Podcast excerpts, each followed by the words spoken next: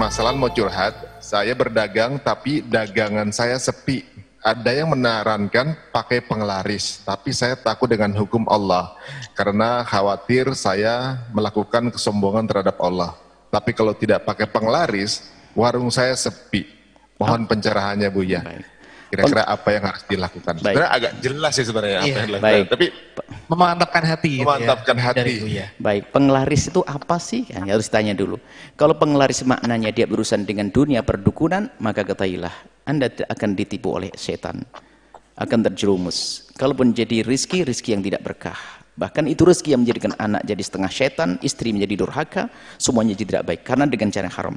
Tapi kalau penglaris maknanya doa, minta kepada ulama untuk didoain dan sebagainya, itu juga penglaris agar laris sah berdoa kemudian minta petunjuk kepada ulama iya jadi makna penglaris ini kalau sudah diarahkan kepada dunia perdukunan dunia mistik maka ketahuilah awas hati-hati menjadikan tidak berkah usaha anda akan tapi kalau maksudnya adalah memohon doa kepada orang-orang soleh orang baik yang bisa dipercaya suruh datang mendoain kalau kita benar itu sah-sah saja jadi kalau penglaris urusan dengan dukun Anda jangan lakukan. Dan sebenarnya yang bertanya sudah tahu jawabannya.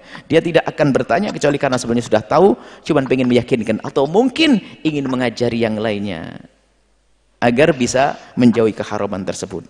Bahkan bisa mengarah kepada kesyirikan. Namanya penglaris lihat. Apa sih penglarisnya? Bisa saja itu adalah haram, bisa saja masuk wilayah syirik, dilihat dulu. Kalau dia percaya dengan dunia perdukunan yang nyembah sesuatu selain Allah, lalu dipatuhi, ya haram, syirik bahkan. Jadi hati-hati. Makanya adalah ilmu penglarisnya yang normal adalah Anda banyak berdoa, kemudian Anda disiplin, Anda serius di dalam ber, ber, berbisnis, yang bersih, yang bagus, yang baik melayani, itu adalah cara yang diajarkan oleh baginda Nabi Shallallahu Alaihi Wasallam.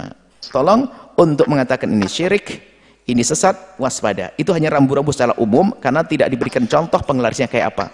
Jangan setelah dari majelis ini lalu mengatakan semua jenis penglaris adalah haram.